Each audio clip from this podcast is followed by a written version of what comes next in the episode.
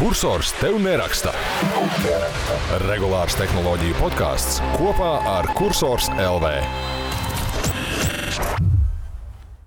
Esiet sveicināti, ko kursors tev neraksta regulārā tehnoloģiju podkāsta 9. epizodē, kas tiek ierakstīta 4. novembra piekdienas pievakarē.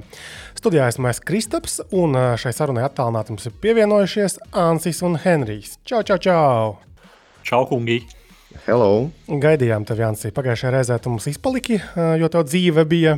Bet es domāju, ka mums ar Henriju ļoti labi gāja. Un, un mēs runājām par Apple lietām. Un šeit ir jāpiezīmē, ka mana fantastiskā kolēģe Līva ir nopirkusi iPhone. Juhu! Un, un noteikti, es, ne, es nepazīstu lielu, bet lielu apsveikumu. Bet, uh, man liekas, liel, lielās raķetes varēs šaut, tad, kad man būs iPhone. Bet, nu, nepērciet, nepērciet vēl raķetes. Tad mēs varam slēgt derības. Būs līdz 50. šī podkāstu epizodē Ansim iPhone vai nebūs? À, mēs neesam 9. Nē, 100 punktu nebūs. ok, viss kaut kas var notikt. Zin kā, zem eglītes var nolikties arī, arī tāda dāvana, ja kāds ļoti vecs pirmās paudzes iPhone SE. Nu, Kristap, es no tevis kaut ko gaidu. Evelīnas grāmatu. Ah, Evelīnas grāmata, pareizi. Starp citu, influenceres Evelīnas grāmata par 25 eiro, man liekas, nopērkama, kurā varēs izlasīt, kā viņa ir nonākusi tur, kur viņa ir nonākusi. Bet labi, Evelīna, Evelīna, ķersimies klāt eh, tehnoloģiju aktualitātēm, un uh, vismaz manā dzīvē uh, tehnoloģiju aktualitāte pēdējās pāris nedēļas, vairāk vai mazāk, bija saistīta ar Huawei zīmolu. Tātad, um, vēlreiz vienā teikumā, tātad. Um, Bija viņi noprezentējuši Latvijā savus jaunos telefonus, tur, uh, un uh, man likās, ka pārāk pārpozitīvi, un arī mēs podkāstā runājām par to, cik tāds influenceru uh, pārinfluencēts tas atklāšanas pasākums bija, tad bija sajūta, ka nu, baigi izreklamēt tie telefoni, kā nenormāli krūti un forši un lieliski, kam es īsti nepiekritu, un palūdzu uz testu ierīcīti, tā īsti man neviens negribēja bez, bez īpaša noteikuma, ka mums jāklausās viņu apmācības. Uh, piedāvāt šos telefonus, nu, tad es noliku uz galda diezgan lielu naudu, nopirku Huawei Nova 10, lai pārbaudītu, notestētu ikdienā, kāds ir šis jaunais vietārunis. Un beidzot, esmu nedēļu arī nodzīvojis, kaut kādā mērā varbūt arī nomocījies ar šo vietāruni, sagatavojis arī kursors LV plašāku rakstu par to, kā mums te gāja izcīnījies Twitterī, milzīgās batālijās, un cilvēkiem tiešām bija interesanti sekot. Un noslēgumā vēl pat pārdevis šo telefonu, tiesa ar, ar negatīvu finansiālu iznākumu, bet nu, tas cikls ir noslēdzies. Un tad šajā uh, podkāstu epizodē arī noslēgsim podkāstu pusē šo stāstu ar tādām pāris atziņām. Uh, es domāju, ka mm, pavisam normāli ir um, iesākumā pateikt, jā, kas, tad, kas tad īpaši ir šiem te telefoniem. Tā tad uh, varbūt daļa bija pamanījusi, varbūt daļa nebija pamanījusi, bet um, ASV un Ķīnas uh, sankciju, ja pareizāk sakot, ASV Ķīnai uzlikto sankciju iespējā Huawei tāpat kā daudziem citiem Ķīnas uzņēmumiem, ir ierobežota darbība. Un, konkrēti Huawei gadījumā viņi nespēja sadarboties ar ASV kompānijām, un konkrēti telefona gadījumā viņi nevar izmantot um, Androidā šos Google servisus. Un Google servisi tas ir uh, Google maksājumi, Google navigācija, kalendāri, YouTube un ļoti daudzas lietas, kas mums šeit, mūsu pusē, ir pašsaprotamas ikvienā Android vietā runī. Nu, lūk, tā vietā, protams, ka tur Huawei ir sagatavojis arī savas alternatīvas. Apgala arī tas ir Google Play alternatīva lietotņu veikalam. Tad ir Patel Maps, jeb, jeb, jeb Google karšu alternatīva. Ir meklētājs sava alternatīva viņiem, un, un vēl tur šādas tādas arī lietas, kas ir. Nu, Sataisīties pa savam. Nu, lūk, un, un šeit vēl ir, ko es Twitterī interesanti patiesībā pamanīju, ka bija cilvēki, kas rakstīja, uh, ko tu te melsi, Kristap? Nu, man viss Google darbojas, man ir Huawei telefons. Un šeit ir svarīgi piezīmēt, ka uh, tā tad Vēl Huawei P30 bija vēl tā pēdējā ierīču sērija, tur P30, P30 Pro. Un patiesībā bija pat vēl daži atsevišķi modeļi, kurus Huawei vēlreiz izmisīgi izlaida, tur jaunās krāsiņās kaut kādās, un tiem vēl ir pieejami Google servisi, un, un tas tiešām var radīt sajūtu, ka viss ir kārtībā. Savukārt visi tie jaunie telefoni, kas nāca pēc P30 sērijas, tur Novas, tur vēl visādi tur ar Y kaut kādiem nosaukumiem, un gala galā P40, P50 tagad, vai Nova 10, tas, ko es testēju, tiem nav šo servisu. Tāpēc ir jā, jāsaprot, kurus tas skar un kurus tas vēl neskāra. Nu, lūk, nu, tur, tur vēl tā muģināšanās ar, ar honoru, ir honoru. honoru. Jā, ar honoru. Tur, ir, Tad, tur sāk... viņiem ir diezgan izdevies apiet visu šo triku. Un uh, atsevišķi, vai pat droši vien jāsaka, visi honoru telefoni ir kaut kāda alter, zinā, ziņā alternatīva Huawei. Nu, tas, tas pats uh, dzelzs tikai ietērpts citā nosaukumā un pārpakots citā paciņā. Tieši tā, jā, jo Honor tas zīmols savulaik piederēja pilnībā Huawei. Tas bija tā tāds um, nu, meitas zīmols, kas bija mērķēts jauneklīgākajai auditorijai daļai, ja tā kā tādi fifīgāki, un arī mārketings viņiem bija mazliet citādāks. Un, protams, ka sankciju uh, sākumā tas skāra arī honor zīmolu, bet viņi kaut kā veiksmīgi kā, nopārdeva to zīmolu prom, kad, hei, vokur nav nekādas darīšanas vairāk mums Huawei. Uh, un tā Honors arī dzīvo pats savu dzīvi, it kā atsevišķi. Atkal Latvija atgriezies patiesībā arī veikalos, un Honor šiem te telefoniem nav nekāda problēma ar Google servisiem. Viss tur darbojas tāpat kā parastam ierindas Android vietā. Un, Man gan vienīgi ir tāds, nu, tāds izbrīns drusku, jo Huawei savus ar, ar Google servisiem nēsošos telefonus nu, baigi pušo. Savukārt šos te Honor telefonus, nu, Es teiktu, ka viņi turās ļoti, ļoti ēnā. Nu, kaut kā galīgi nav redzams, varbūt pie kāda sakara operatora, varbūt viens ir atrodams modelis. Es, tā, es neesmu meklējis, bet man šķiet, ka, nu, bļāviens, nu, nu tad pārdot to, kas tev tur strādā, nevis pušot to, kas tev ir uh, rada kaut kādas problēmas ar, ar Kristapu un pārējiem mums. Nu. Jā, labs jautājums, kāpēc tā, bet nu, ir, ir tie telefoni uz testu. Mums ir bijis tas pats Honor 70, kurš ļoti labs telefons bija un dzelžu ziņā samā, kaut kādā mērā līdzīgs šim Nova 10, ko es testēju pagājušajā nedēļā. Um, nu jā, nu tad um, par tām atziņām. Uh, es domāju, ka sāksim ar to labo daļu, uh, ka kopumā ierīce kā tāda man likās nu, ļoti laba. Tā tad uh, kvalitatīvi uzbūvēta. Dizaina ziņā, nu, man liekas, nu, rīktīgi foršs tāds uh, tas, tas, tas, tas telefons.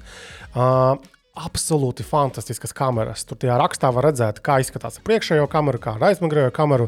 Nu, tiešām tur, tur tā galvenais šūteris aizmugurē tur 50 megapikseli, ne vai priekšā, priekšā bija viņam mega, uh, megapikseli kaut kāda, bet arī aizmugurē. Jā, jā, tāpēc, ka viņi uzspiež uz to, ka ir vlog, vlog tas telefons. Uh, bet nu, mums ir jāņem vērā, ka, tas, ka šie Huawei vietā viņi top arī ar Ķīnas uh, val, valdības atbalstu un, un, un droši vien kaut kādiem vergu darbiem. Un, nu, Viņi, kamēr nav pierādīts pretējais, tikmēr mēs drīkstam uzskatīt kaut ko šam. Kurš šādu. telefons neto pa vergu darbiem? Klusums studijā. Gribētu teikt, lai mēs sakām, ka iPhone netop. iPhone jau es domāju, ka iPhone viņi ir pārcēluši pat uz citām valstīm. Tagad, tur, man, ir, protams, protams, ir bijušas visādas ziņas mums arī. Mm -hmm kā iPhone ražošanas šajos cehos, tur cilvēki lec ārā pa logiem, jo vairs nevar izturēt spriedzi, un tur ir uzstādīti kaut kādi tīkli apakšā. Ir bijušas šādas ziņas, bet, jep, nu, man, manuprāt, Apple pēdējā laikā viņi nav, protams, nekādi zelta cilvēki. Un biznesa ir biznesa, un viņi izmanto iespēju nooptimizēt izmaksas, bet, manuprāt, tas Huawei biznesiņš šobrīd, nu, ja mēs skatāmies šobrīd, šogad, Tad Huawei bizness ar visām, ko viņi ir izpildījušies, neaizejot no Krievijas, ko viņi ir izdarījuši ar, ar, ar, ar Āfrikas valstīm, vairākām, kur viņi ir uzsēdinājuši uz savus, rea... nu, būsim, nu, sauksim to par adatu. Lielbritānija, ASV, kur ir visi šie Huawei tīkli, tīklu sistēmas, kas, kas apkalpo mobilo sakaru operators. Uh, Nu, neviens te nav. Neviens te nav tāls. Nē, nekādā gadījumā. Apple kaut kā mēģina smērēties drusku tīrāks, bet uh, viņi visi ir uh, ar savām. Uh, nu, niansēm droši vien tā jāsaka. Par, tu, par, par to Krievijas dar, dar, darbību, darbību Krievijas tirgu. Tas bija viens no jautājumiem, ko es prasīju Huawei pārstāvim. Vai, nu, kā, kāds ir status? Esat, neesat? Tur bija vēl lērums ar jautājumiem par, par konkrēti šiem te apgaleriju datiem un, un, un, un telefoniem. Viņi atsūtīja pretī atbildību. Huawei Baltijas PR menedžeri atbildēja, bet tas bija tāds tā kā preses relīzes formā viņi sagrābstīts. Nu, droši vien pateikts daudz, nepasakot neko. Tieši tā. Tur bija daži fakti noderīgi, kas arī eh, rakstā manā nonāca, bet principā viņi neatbildēja uz tām lietām, uz ko viņi negribēja atbildēt. Bet atpakaļ pie tām manām atziņām. Tātad, kā jau minēju, kameras fantastiskas, displejs labs, ierīce pati forši uzbūvēta. Tā 66 vatu mm, ātrā uzlāde tiešām ir fenomenāla. Pēc lēnās iPhone uzlādes, man liekas, viss Android pasaulē liekas um, ātrs. Un, un nu, labi... 66 vati nav tik fenomenāli. Ir, nu, ir dažiem vairāk, bet pret iPhone uh, ir. Un tas, ka lādētājs, protams, kastē, tas, ka, tas, ka lādētājs tas ātrākais ir arī kastē. Vienīgais, kas bija interesants, ko mēs runājam arī vienā citā epizodē, kad ar to vadu, to USB kabeli, man nelādējas vispār Apple ierīces. Jā, tieši tā. Es, tev, es tieši gribēju pieminēt, ka, ka es, es noklausījos jūsu iepriekšējo, manuprāt, iepriekšējā podkāstā jūs to bijat pieminējuši. Un ir, jā, jā, to es arī esmu vairākas reizes rakstījis un teicis, un mēs tepat esam apsprieduši podkāstā. Tā ir.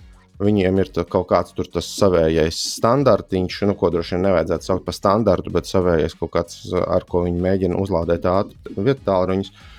Bet uh, nu, nevien, ne, nu, tas nav universāls. Nu, ir forši, ka viņš ir kastē, bet tas nav universāls. Nu, man, man ir tas pats, man ir uh, 11T modelis Xiaomi. Xiaomi jā. Tam arī skaitās 67 vatu vada lādēšana. Uh, nu, ar, ar citus, citus ražotājus var uzlādēt, bet ne tuvu, ne tuvu šādā ātrumā. Nu jā, jā. Tad, eh, tad, mēs esam papriecinājušies, papriecinājušies par to telefonu. Tā kā dzelzi, nu, nu sāksim uzstādīt lietotnes. Nu, labi. Eh, tāda pēc noklusējuma tur jāizmanto tas Huawei apgaleri, tā, tas lietotņu veikals. Tu sāc meklēt, tur, piemēram, Facebook, Twitter, Instagram. Um, un visas tās lietotnes, ko tu ikdienā izmanto. Labi, tas, protams, ir tā baigi individuāli. Viens izmanto vienas lietotnes, cits citas kaut kādas lietotnes izmanto. Bet, uh, Rezultāts ir tāds, ka tajā apgalerijā ir pieejamas ļoti, ļoti maz gan globāli, gan lokāli aktuālas lietotnes. Viņi paši saka, ka viņiem ir 187,000 šīs lietotnes pieejamas, kas ir ār, ārprātīgi mazs skaitlis pret tiem 2. 2,5 vai 2,6 miljoniem, kas ir Google Play lietotņu veikalā. Uh, un, uh, un tas, ka tiešām tur ne Twitter, ne Facebook, nekā tāda nav. Bet viņi tādi šie vecie, vecie apši uh, parāda, ka mums tā kā nav tā lietotne pieejama, bet va, kur ir citā krātuvē, viņi konkrēti linkotajā apgalerijā uz APK, APK Pure. Tas ir viens no tādiem, man liekas, vairākiem diezgan populāriem Android lietotņu instalācijas failu krātuvītēm, populāriem, ja tu dodies kaut ko zakt. Bet... Jā, jā, jā tā, tā arī var teikt. Nu, lūk, un tad viņi tur parāda, kad, kad ir. Un es domāju, ka daļa varbūt lietotāji pat nesapratīs, ka tas jau nav tajā apgalerijā reāli. Nu, lūk, un tad vismaz pirmajā reizē tu spied instalēt, to kaut kādi pieci jautājumi bez maz vai, tiešām tu to vēlies. Tu tagad dosies prom no tā apgalerijā. Nu, visam tam piekrīti, protams, tad nu, nokačā to failiņu un tu uzinstalē viņu. Un tad, principā, daļā gadījumu lietotne palaidīsies, bet tikai daļā gadījumu. Un kā es secināju, um, tad lielā daļā gadījumu tev lietotne palaižoties, sāks lamāties, ka, oh, tur nav Google servisu. Un mans secinājums bija tāds, ka lielā daļā, vai vispār pat lielākajā daļā populāro mobilo lietotņu Android pasaulē šādā vai tādā veidā kaut kur tur iekšā iepīts ir tie Google servisi, vai nu, nu, paziņojumi, notifikācijas, vai, vai karšu kaut kāda informācija, vai tur vēl kaut kas, un principā šīs lietotnes nestartējas. Um, par to kā to dabūt uh, gatavu mazliet tālāk, bet idejaski, jā, tā tad APK Pure. Pēc tam nedēļas gaitā es iepazinos vēl ar tādu F-droidu krātuvi, vēl tur kaut kādām, un principā šo aktuālo Huawei ierīču lietošana tā arī būs. Nekas nav pieejams principā tajā apgalerijā, un tu vazāsies pa visādiem vairāk vai mazāk aizdomīgām krātuvēm, kurā ik pa laikam iepludina iekšā kaut kādus vīrusus, un par to ir bijušas ziņas. Tur doktors Webs, Kasperskis ir par to ziņojuši, ka tajā pašā APK ir bijušas problēmas. Telefons it kā uzstādot, analizē, vai tur ir droša tā lietotne. Bet, ja to saka ķīnieši, ka ir droša, vai tu ticēsi tam, ka tas ir kaut kas drošs? Nu, visdrīzāk, tu neticēsi, tāpēc ka tu nekā to nevari pārbaudīt. Nu, lūk, un tad tev ir kaudze ar lietotnēm, kas darbojas, kaudze ar lietotnēm, vēl lielāka kaudze, kas nedarbojas. Un, un tad nākamā vēl tāda interesanta nianse. Tev pēc brīža tās lietotnes vairs nestartējas. Tu viņus slēdz iekšā, bams izrūbās laukā. Slēdz vēlreiz iekšā, bams izkrīt laukā. Es no sākuma nesapratu, kur ir problēma. Normāla es... Android darbība, ikdienišķa. Okay, labi, man kā iPhone tam to, to nesaprast. Bet tad es secināju, ka ah, tev vajag atjaunot šo lietotni uz jaunāko versiju, un tad viņi vairāk nekrašo. Uh, un tas nozīmē, ka tad tev ir jāuzstāda tā APK pure menedžeris palielam. Jo tad ir viegli redzēt vienā sarakstā, kuras tu tur savalkājies no turienes lietotnes, un viena klikšķa attālumā, plus mīnus, tu vari apdeitot viņas. Bet tas nav tik. Uh, smuki iebūvēts un, un, un realizēts, kā tas ir Google Play gadījumā, kad palielam tā automātiski apgādēji darbojas, man liekas, diezgan normāli pēdējās paudzēs Android pasaulē. Nu, lūk, tā, tā ir problēma. Drošības problēma, nērtības problēma kaut kāda. Tālāk ir maksājumi. Tātad es biju jau arī izpētījis, ka nu, jā, ar, ar maksājumiem, bezkontakta maksājumiem, principā ir auzas. Ir daļēji auzas tādā ziņā, ka Huawei šajos te jaunajos telefonos tiek piedāvāti divi servisi. Viens ir curve, jeb curve. Tāds nu, maksājumi. Tā kā līdzīgs monēzē vai revolūtam kaut kādam, un tad ir kaut kāds iCard, par ko es vispār nebiju dzirdējis. Tātad, ja tu izmanto... Jā, jau var iemest, mums jau pa curve bija raksts. Jā, jā, mums bija sen. iCard kaut kā aizdomīgi izklausās pēc Apple produkta. Nav, nav tur nekas ar Apple saistīts. Un tātad man bija curve konts, jā, jo mēs rakstījām par to savulaik, jo tas bija laikam kaut kā ļoti smuki, tur bija Apple Pay palaist, tad, kad nevarēja vēl palaist. Tas bija pirmais, kur turēja savienot citu bankas kartiņu, gāja Apple Pay, un tu varēji vismaz. Nu, lūk, jā. Veidā, jā. Un tad, tad es arī pamēģināju to curve uh, kontu pievienot uh, nu, kādam bezkontaktu maksāšanas uh, lietai. Startā man kaut kas tur nesanāca. Es pie veikala tur pie termināla tirinājos kaut kādas septiņas reizes. Un bija tiešām stulbi gluži kaut kādi. Bet tad kaut kā aizgāja, un tā principā varēja dabūt šos maksājumus bezkontakta caur to kurvi. Bet tas praksē nozīmē, ka tev visdrīzāk ir jāuzskaita kaut kāda nauda uz šo kurvi, un tad tu kā vari maksāt. Nu, tehniski var, bet vai tas ir ērtākais veids? Nu, pavisam noteikti nē. Tad es mēģināju uzinstalēt nu, Svetbanka aplikāciju, jo tas ir tas, ko es uh, izmantoju ikdienā. Tur, protams, bija problēmas, ka tur notifikāciju servis nedarbojas, attiecīgi nu, paziņojumi nenāk par šīm transakcijām.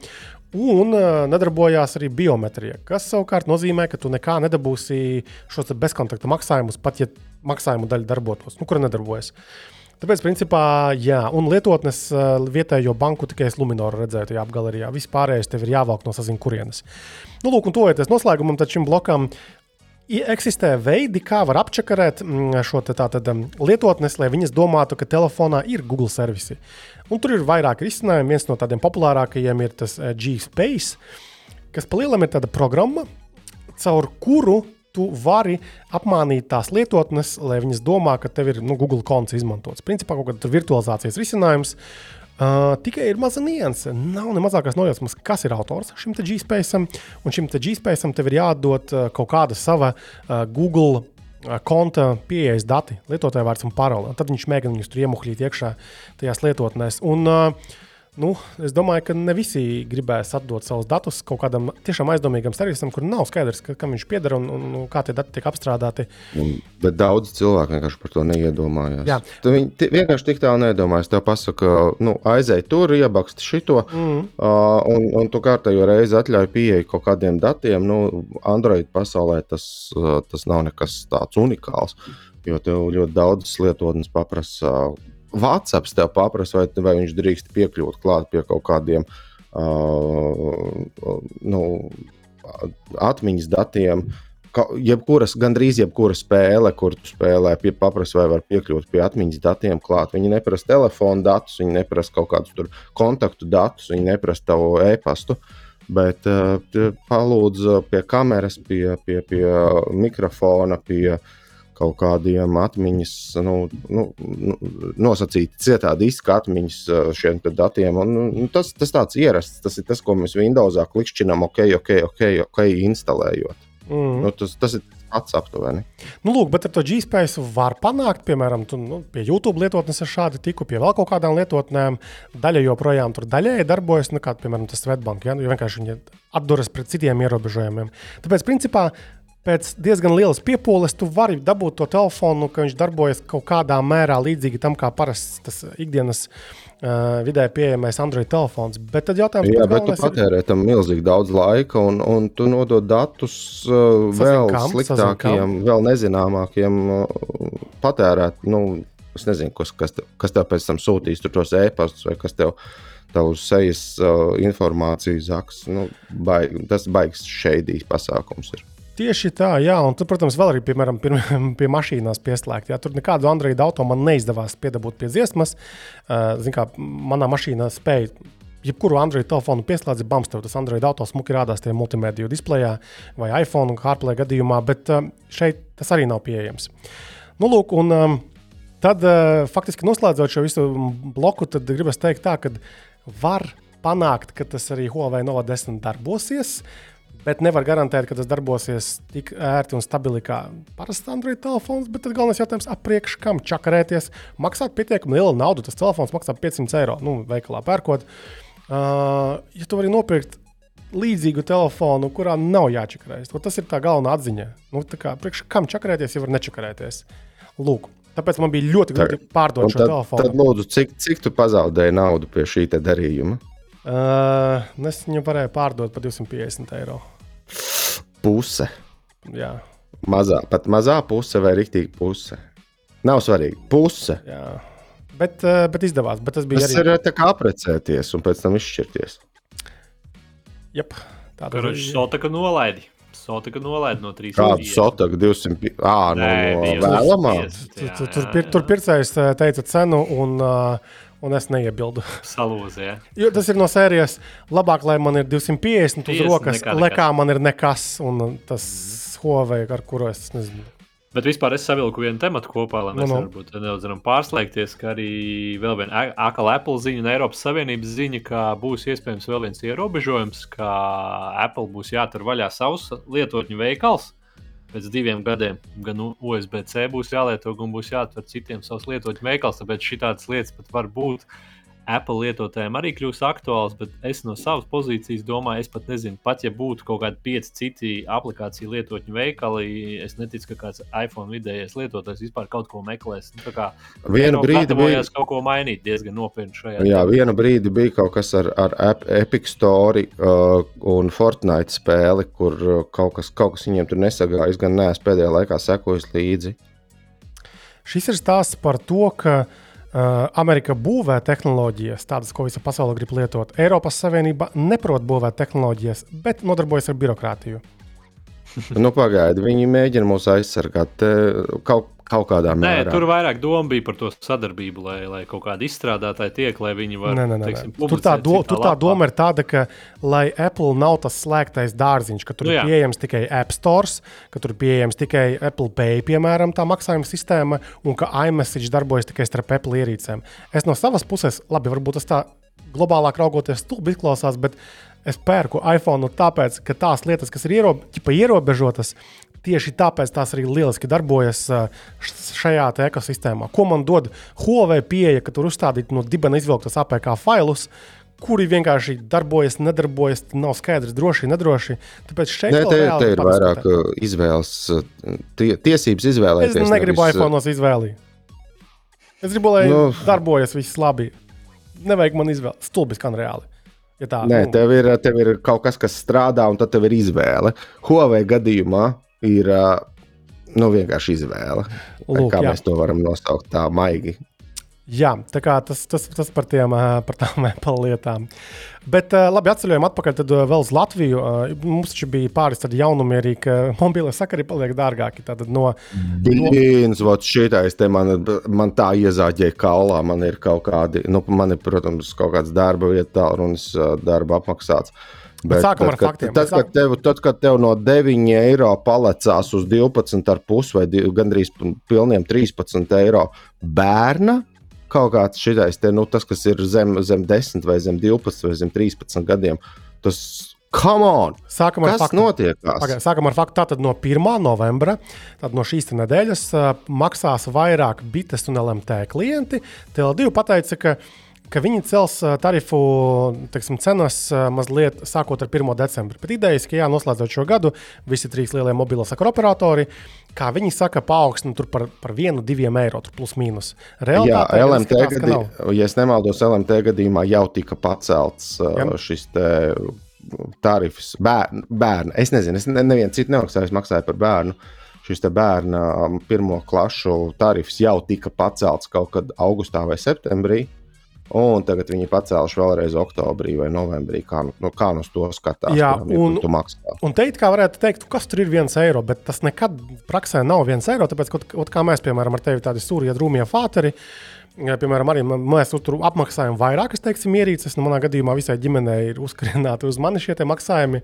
Man tie nebūs 4 eiro plusā, ja par visiem tur būs krietni, krietni vairāk. Tā kā principā par, par šiem pakalpojumiem mēs maksāsim uh, vairāk. Nu, skaidros, protams, tiek ar elektroenerģijas uh, cenu izmaksu pieaugumu.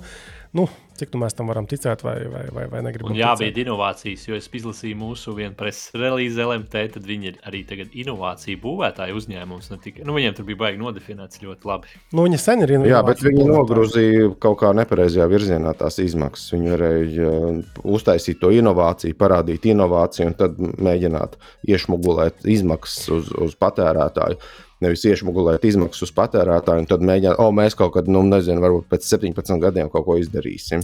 Nu, Inovācijas, ne inovācijas, bet, teiksim, LMT vēl arī šodien paziņoja, ka viņi piedāvā priekšapmaksas pakalpojumus ar e-sim. Uh, jo iepriekš tad, tātad sanāk, ka e-sim, jeb šīs virtuālās simkartes bija pieejamas tikai nu, uh, pēc apmaksas. Ne pilnajiem. Nu, normālā tā kā, jā. Ja tā, jā, bet vai ESM gadījumā nav viņiem izmaksas nesamazinās? Ok, tur ir visādas izstrādes izmaksas un tā tālāk, bet tev fiziski nav veikalā jāizsniedz vai jāsūta pa pastu.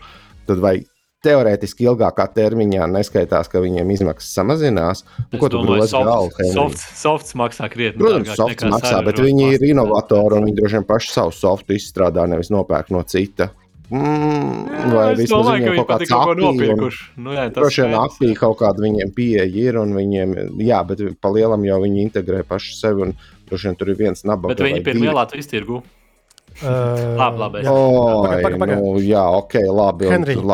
Henrijs saņems rēķinu savēju aiziet, varēs par to priecāties. Pagaidām, Henrij, tu izmanto e-simu telefonā kaut kurā no saviem? Es iepriekš izmantoju, bet es tagad pārgāju bišķiņu uz darbu, un tur es nebiju tik ērti uz darba numuru. Tad nē, bet vispār es izmantoju. Es esmu ļoti liels e-simu aizstāvis fans, kad man sanāca. Jā. Man kauns atzīt, bet es reāli praksē neesmu nevienu no savām ierīcēm pieslēdzis e-simu, un mm -hmm. man nav līdz galam skaidrs tas process. Pasaki pāris teikumos, kā tas process. Sākumā, kad tikko parādījās, es arī uzliku, tad bija jāiziet uz, vei, uz veikalu, uz to LMT centru, viņi iedeva QR kodu pieteicies, un tu Izklausās savu... pēc absolūtas inovācijas, ka tev jāierodas no, klienta centrā. Tas bija sākumā, tas bija tikko, ka parādījās. Tas ir viena alga, tu teici, inovātori. Nu, come on! Pagaid, kurš Pagaid, pabeigt? Jā, uh, jā un, bet pēc tam viņi jau bišķiņi apgrēdojās, un turēja vienkārši noskenēt uh, caur mans LMT. Tu izveidoji SIM QR kodu, ieiet caur, man liekas, mobile, to setupu iPhone. Mm -hmm un viņš to noskanē kā interneta kaut kādu profilu, tad viņš tur saliek kā numuru. Jā, tas noskanē, ir tas, kā vajadzētu tam strādāt. Bet tur bija svarīgi, tev jābūt pie interneta. Ja tev tā kā pazudīs vienā brīdī, tur internets, nu, tur vajadzēja būt pie interneta katrā ziņā, pie bezvadu interneta, lai tu varētu noskanēt, citādi tur pazūd vienā brīdī. Tad jāpaņem šitie vēl arī grabulīši, ugunskurs jāuzkur, un tad laikā ap grabulīšiem apkārt ap ugunskuru. Jā, tamburīna dēļ. Jā, bet principā tas bija ļoti ērti. Kad viņi ielika man CLMT, arī tur kaut kas nogričīja, ātri ieeja, norefrešo jauns QR, eh, bet nu jābūt pie interneta vai kaut kādu hotspotu kaut kur jāpaņem, vai bezvadu internets mājās, viss sačinīja un vispār, vispār nekāda problēma nebija. Nekāds okay. Steams nav vajadzīgs. Nebija problēma, vienīgi ir jānorefrešo, jāuzstāda Wi-Fi pašam mājās, jāabonē. Un... Bet tā, tā nekāda problēma nav. Un, aha, un jāierodas pirmo reizi ir klienta centrā. Bet tas bija sākumā. Problēma tas nav. bija pašā sākumā. Ir jau divi pusgadi, man liekas, pagājuši. Man liekas, es, tu, es palaidi kaut kādu digitālu risinājumu, kas ir uh, faktiski klātienes risinājums. Tas izklausās pēc izī internetu pieslēgšanas 90. gadu beigās. Ok, labi.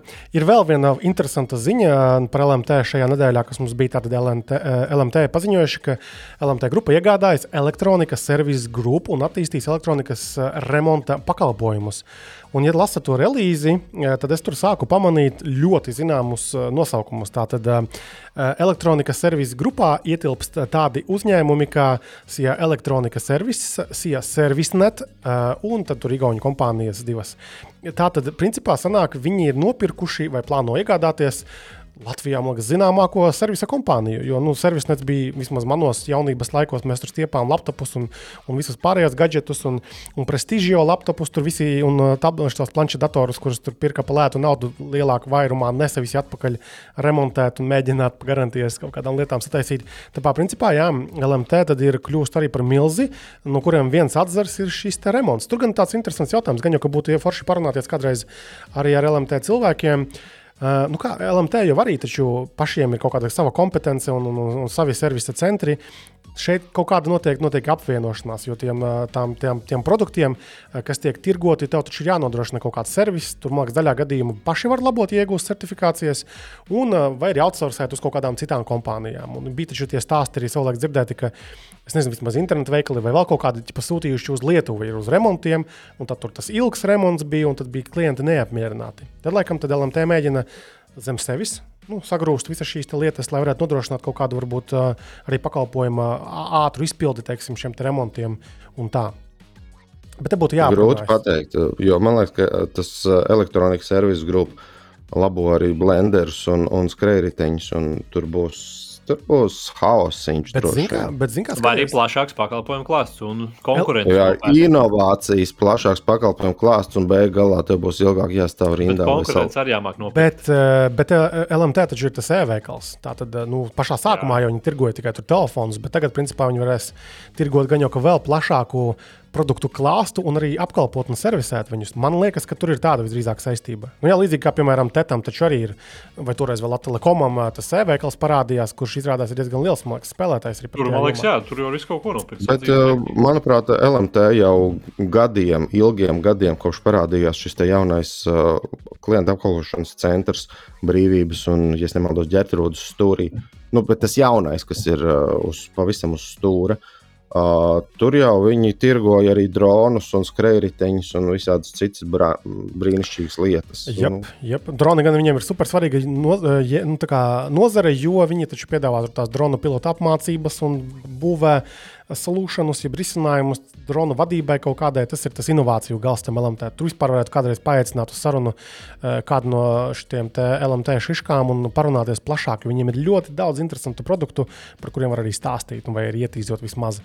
Es pieskāros tetam. Eh, Tets ir atrāvies ārprātīgi iespaidīgu sodu. Eh, tātad Tetris saņēmis 1,2 miljonu eiro sodu par vispārīgās datu aizsardzības regulas pārkāpumiem.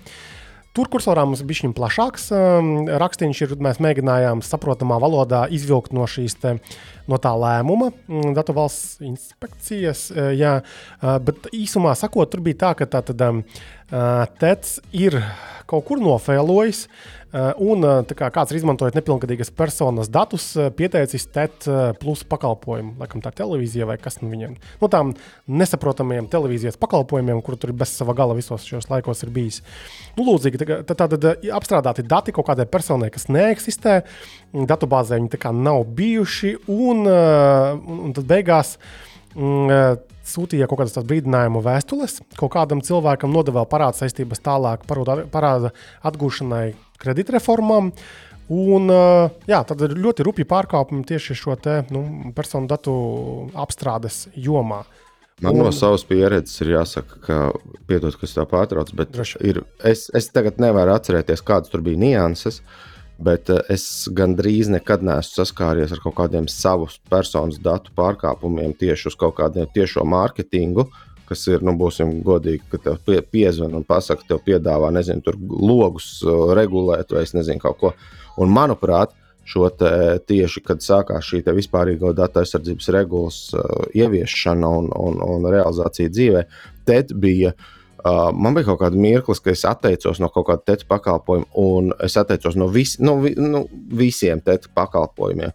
Un tad, manuprāt, tur bija kaut kāds šis pusgada laikā, viņiem bija jādzēš mani dati. Ja es nebiju speciāli paprasījis, bet viņiem kaut kā bija izdevies neizdzēst šos datus un man pazvanīt. Vienmēr sakot, Tets bija vienīgais, es tagad neņemos uh, precīzi at, uh, pateikt, kas tieši tur bija, bet Tets bija vienīgais, ko es vismaz šobrīd varu atsaukt atmiņā, kurš, manuprāt, pārkāpa manus šos te, uh, viņu, viņu ierobežojumus zvanīt man un saglabāt manus kaut kādus personas datus, uh, vārdu un telefonu. Tā kā, tā kā tur viņiem ir nu, protams, liels uzņēmums, bet viņiem iet kā, kā, nu, tā, kā viņi ir. Jā, jā, un tagad viņam attiecīgi arī sots, jo to sodu rēķina jau pēc apgrozījuma, tāpēc arī tur liels. Tur startā bija vēl lielāks, un viņi laikam kaut kā novienojās, ka vai tad ma mazāku to sodu, protams, ka viņi apstrīdēs arī tagad, protams, bet es redzēju jau pie tā raksta komentāros, kur cilvēki saka, ka ir bijuši līdzīgi gadījumi, kad kā, uz viņu vārda tiek pieslēgti kaut kādi neeksistējoši pakalpojumi, tad savā pusē it kā nepārbauda līdz galam šo informāciju, un bams vienkārši kaut kam kaut kaut kur pieslēdz kaut kādu pakalpojumu. Man liekas, ka tās ir ļoti, ļoti rupjas kļūdas. Būtu interesanti pavērot, kā tad attīstīsies tālāk šī lieta, jo nu, tas nav normāli, ka viens no lielākajiem telekomunikāciju uzņēmumiem Latvijā nu, šādi kļūdās. Lūk. Viņi vienkārši outsourcē tos savus uh, uh, cilvēkus, kas fiziski aiziet un pieslēdz, kas fiziski nomet šo modēmu rūteri. Un uh, šie cilvēki, kas aiziet un tur sanaglo izurbi caurumu sienā, ievelk vādu, sanaglot šos vadus pie kailīstes un uzsviež kaut kur šo rūteri modēmu. Viņiem jau ir uh, pilnīgi vienalga. Viņi tur saņem tur savus, nezinu, 35 eiro stundā vai kaut ko tādu. Un šiem cilvēkiem, kas fiziski izpilda uzstādīšanu, viņiem ir droši vien pie kājas, kas tur notiekās. Iespējams, nu, iespējams. Tēts, tēts pats ir vainīgs. Jā, nu tā izskatās. Okay, uh, vēl bija tāda interesanta ziņa šonadēļ, uh, kas pāršāca uh, tīmekļus. Uh, tur bija tā tādas raudas un klaigas par to, ka tāda pantona uh, esot izdomājis licencēt savu krāsu paleti Adobe produktos. Uh, un, uh, ka principā pat atverot kaut kādas bildes, mēģinot rediģēt, tev pēkšņi neattēlojas visas krāsas, kamēr nesāc maksāt par šo krāsu paleti. Um, tur bija ļoti skaļi šie virsraksti, bet atklāti sakot, ne man, es pieņemu, varbūt arī jums nav tādas tiešas pieredzes darbā šajā jomā.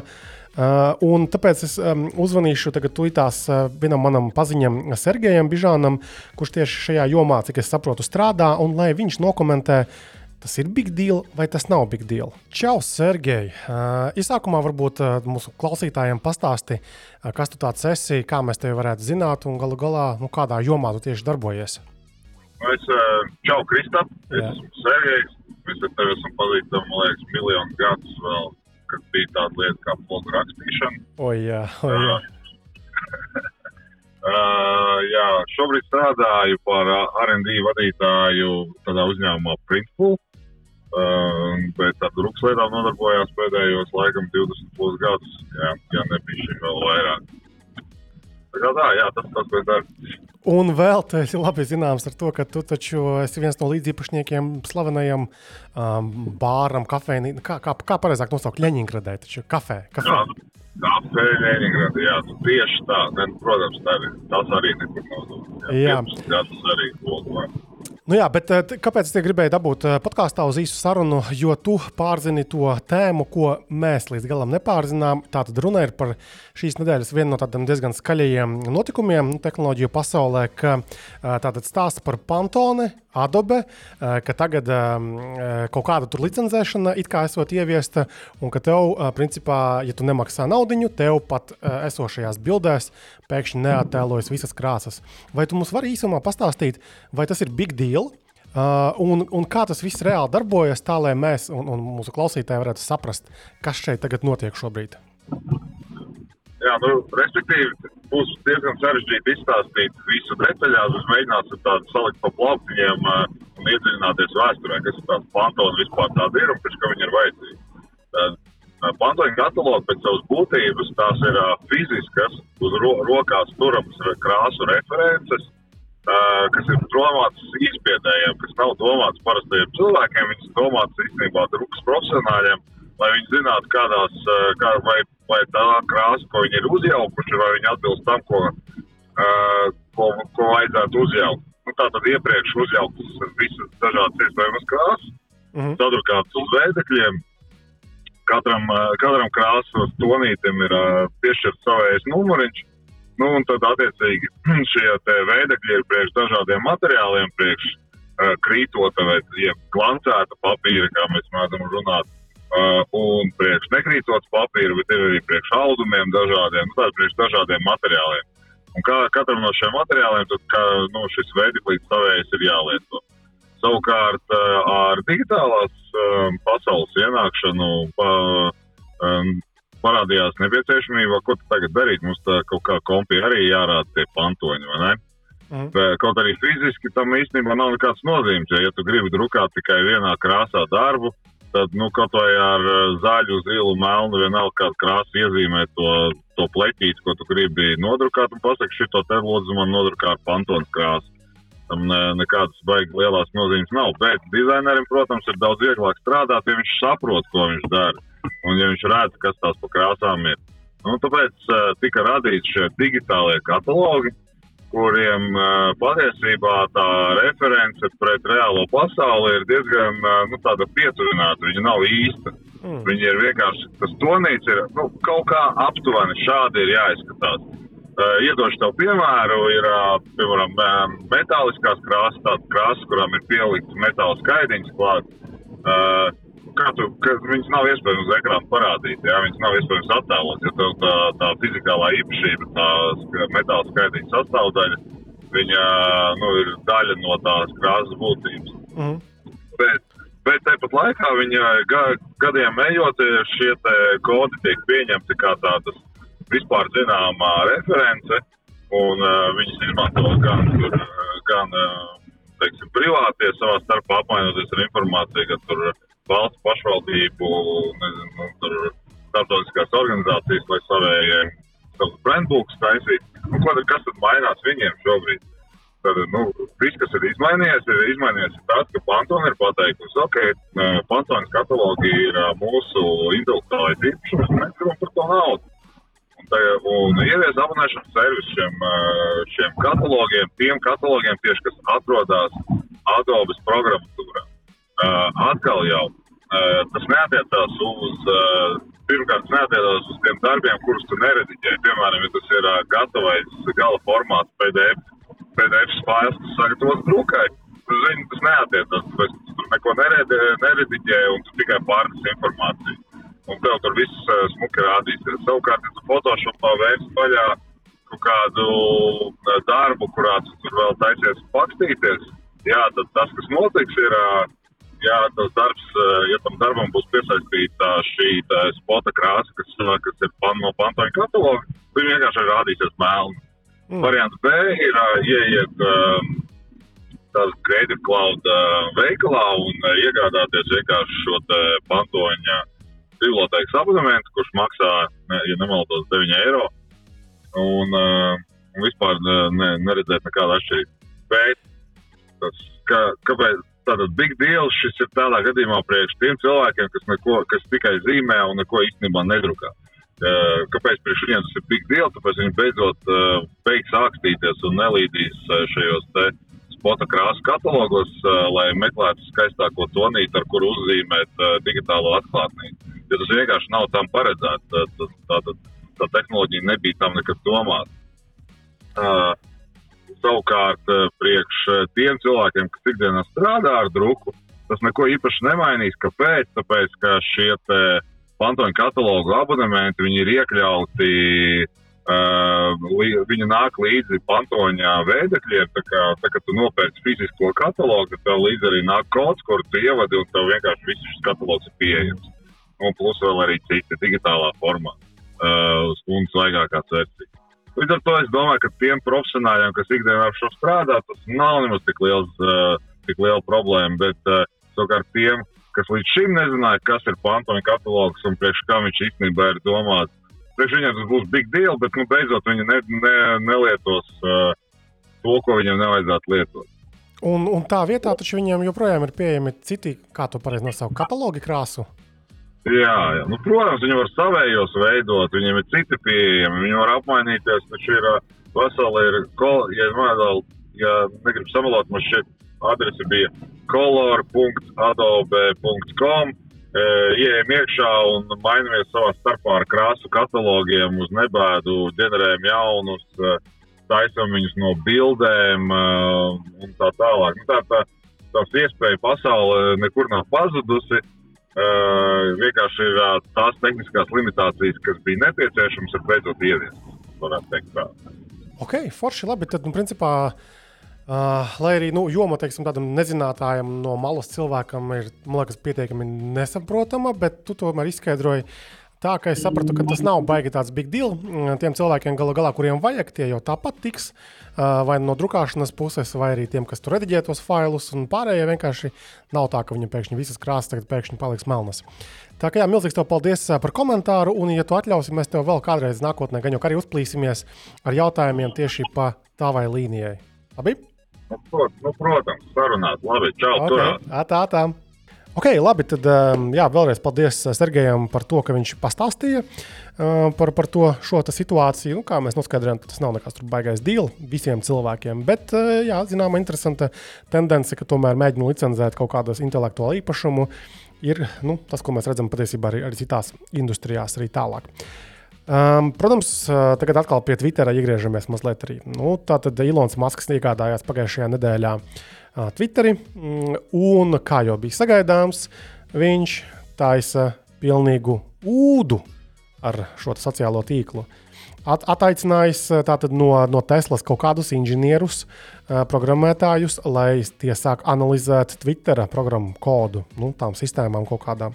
Tur bija raksti no sērijas, ka uh, kad eh, abās kompānijās ir pilnīgi dažādas programmēšanas valodas izmantotas, un ko tad šitie tagad varēs analizēt. Bet uh, vienā no vēlu vakara kā, Twitter sarunām, kamēr vēl Twitteris ir, no gudrākiem cilvēkiem, programmētājiem, mēs noskaidrojam, nu, ka pa lielam tā nav tik būtiska problēma, jo ļoti pieredzējis programmētājs kaut kādas lietas spēs saprast arī it kā viņam svešā. Programmēšanas valodā, ko viņš būtu ikdienā neizmanto tīri, lai varbūt novērtētu, kāda tur ir nezinu, arhitektūra, dokumentācija, cik sakārtotas šīs lietas ir. Tāpēc tas ir varbūt normāli. Tālāk, protams, bija tas stāsts vēl arī par to, ka tad plāno atlaist kaudzi ar darbiniekiem, un tad šie darbinieki jau ir iesnieguši tiesā, vai vismaz plāno iesniegt tiesā šo class action lawsuit. Tas ir latviešu, nu, kolektīvais pieprasījums. Vai, kaut, kā? kaut kas tāds, bet Eiropā mums ne, ne, neeksistē. Amerikā tā ir populāra lieta. Tas ir tas stāsts, kur, piemēram, Google iztiesājas, piemēram, tad katram tur, nezinu, Android ierīces lietotājiem pa, pa vienam dolāram ieskaita. Un tas ir tas, nu, jā, bet tu, tur uzvārās šajā procesā tikai tas, kas tur kūrē, šis yep. juristu kantors, kas tur kūrē to visu. Tas ir vienīgais, kas uzvārās. Tāds parastais lietotājs, nu, nu, varbūt tur daži desmit dolāri atlaists, bet nav nekas labs dzirdēts. Jā, jā nu, tur redzēsim, kā tas attīstīsies, bet es arī piekrītu, ka tas visdrīzāk ir tur, tur juristi, lai cīnās savā starpā vieni un otru un, un pelna milzīgas naudas uh, par savu darbu. Tad tālāk bija tāda vēl aktuāla lieta, kas ar tiem zilajiem beģiņiem, jeb tom, tām verifikācijām. Uh, tātad Twitterī pirms Ilona Maska vēl bija tā iespēja cilvēkiem dabūt šos verifikācijas. Un, jā, kad Kristaps Skutelis tiešām ir Kristaps Skutelis, vai žurnālists, vai politiķis, vai vēl kaut kāds ir tiešām tas, par ko viņš arī uzdodas. Nu, un Maskam pēkšņi iešāvās prātā ģeniāla doma, oh, taisīsim naudu par šo lietu, un nevis verificēsim, lai būtu kā, identificējami šie cilvēki, bet maksā ragā un dabū savu zilošo beģiņu.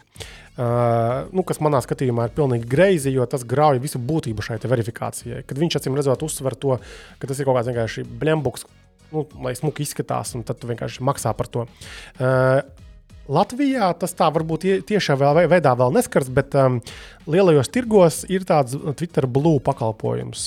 Tad viņi mēģinās ar šo Blue abonementu abone, abonement, uh, pakalpojumu tagad piedāvāt, no tu abonē šo Blue, un tad tu dabū arī to beidžiņu, un plus tur kaut kādas vēl labumus. Garākus video arī pievienot, vēl tur kaut kādas lietiņas ir.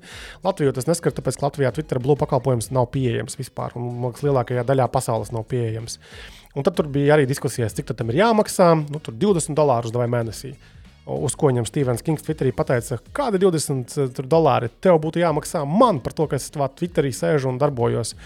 Nu, tad kaut ko pajautāja, cik vajag, nu, 8 dolāri, un tad viņš ir piekritis, un izskatās, ka 8 dolāri ir maksās. Nu, tāds, acīm redzot, Ilonam Maskam ir spriešanas līmenis un lēmumu pieņemšana. Kādus mēs sagaidīsim brīnumus nākošais nedēļa, nezinu. Un noslēdzot Twitterī, vēl interesanta nianse, kas man likās interesanta.